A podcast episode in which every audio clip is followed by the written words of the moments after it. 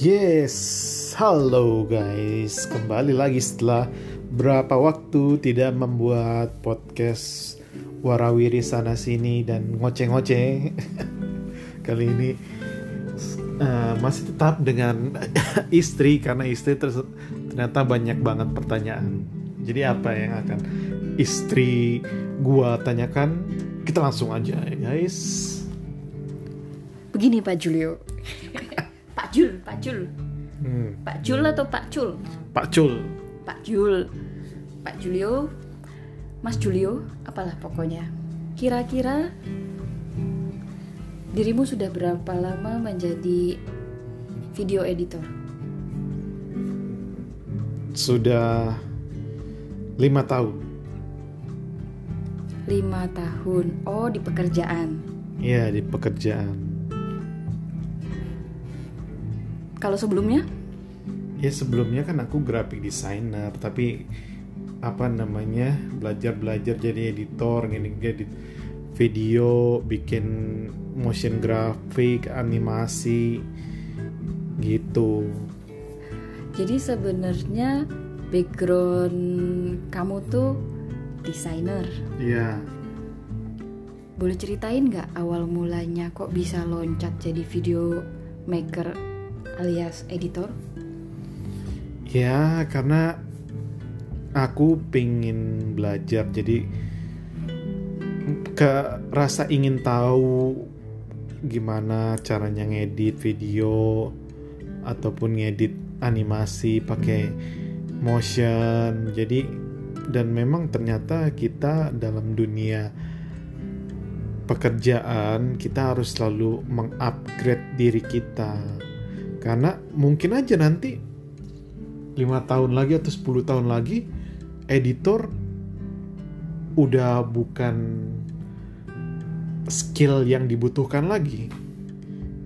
Mungkin lima tahun atau 10 tahun lagi kita udah harus bisa membuat animasi 3D membuat 3D atau enggak virtual atau enggak apa ya hologram. Pokoknya kita harus mengupgrade diri kita supaya kita nggak tertinggal dengan uh, kebutuhan yang semakin kebutuhan dalam arti skill ya kebutuhan yang semakin berkembang. Hmm, oke. Okay. Berarti sebenarnya kamu itu belajar ngedit video di pekerjaan. Iya, jadi aku kan kuliahnya graphic designer bukan bukan multimedia. Jadi sama sekali nggak diajarin bagaimana cara ngedit video cara bi bikin animasi. Nah semua itu aku uh, belajar dari otodidak dari kantor hmm. atau enggak nyari-nyari sendiri tutorial. Nah itu menurut aku sih ya menurut aku ya pendidikan itu penting. Tapi untuk mendapatkan skill yang bagus kita nggak bisa dapat dari dunia pendidikan. Karena karena pendidikan hanya memberikan dasar-dasarnya aja.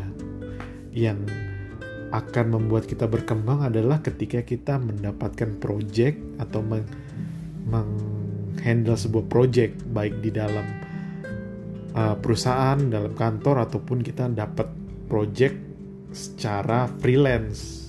Kalau misalnya dipresentasikan persen ya. Berapa pendidikan dan berapa yang didapat di lapangan atau di pekerjaan? Kalau menurut aku di pendidikan itu paling hanya 10% sampai 20% ya. Sisanya itu adalah di uh, perusahaan atau di pengalaman kita bekerja. Karena menurut aku jauh banget. Kita di di pendidikan kita nggak nggak diajarin caranya bagaimana menghandle klien misalkan. Gimana caranya menghandle uh, kebutuhan perusahaan.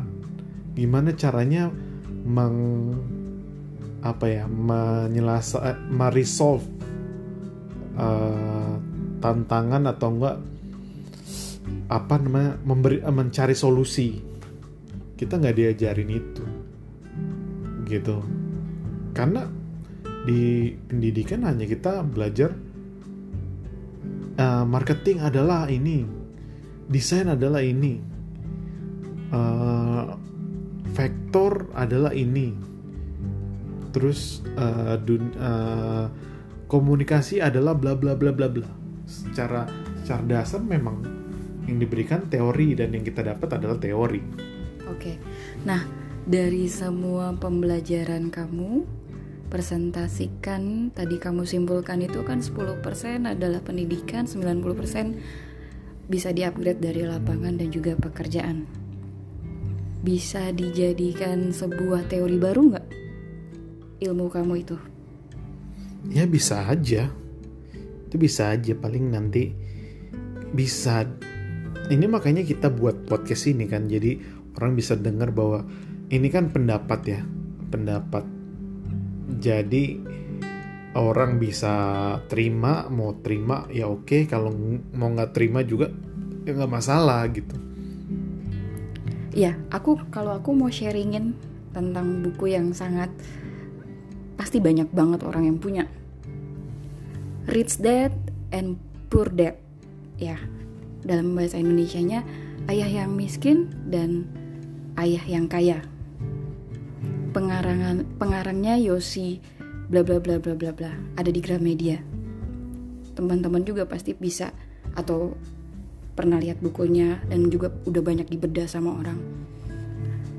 Aku simpulkan kalau misalnya ayah yang kaya di situ dia nggak basa-basi dia mengajarkan bagaimana cara dagang dan lain-lain punya toko kamu bukannya pelit, tapi dia mengajarkan dengan praktek bagaimana mengelola sehingga akhirnya dia memiliki dan akhirnya punya banyak cabang dan awet. Sedangkan ayah yang miskin berteori karena memang basicnya guru, gitu ya. Tapi itu adalah sebuah buku. Siapa tahu suatu saat itu bisa dibedah dan dibongkar untuk menjadi sebuah teori baru bahwa apa pun itu setiap orang punya pilihannya sendiri dan pasti approve-nya dari Tuhan ya. Kamu senang sama pekerjaan kamu, Julio? Ya senang lah, tapi pastikan kita ada keinginan. Contohnya ya kayak keinginan kita kan punya bisa kerja mandiri gitu. Maksudnya mandiri dalam arti nggak di kantoran, freelance gitu. Oke? Okay? Oke. Okay. Ya, oke okay. sampai Nyanyi dulu boleh?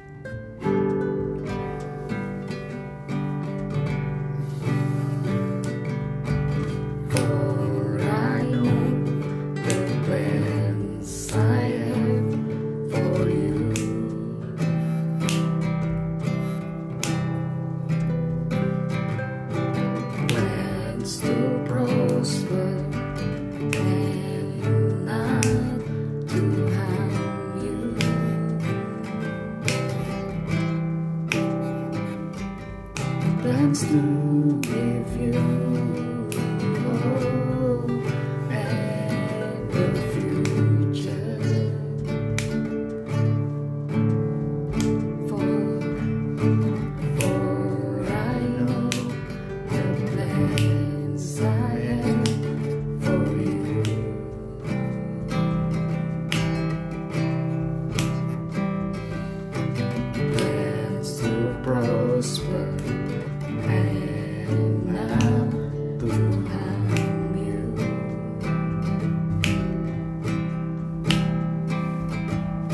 times.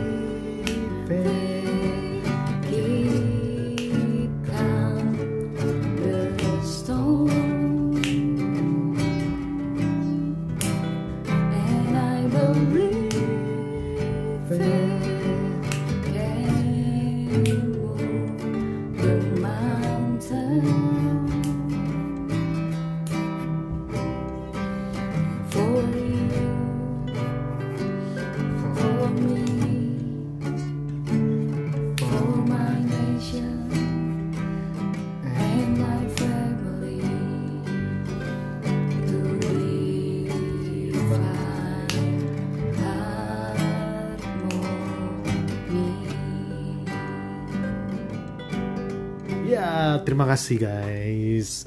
See you in next podcast. Thank you.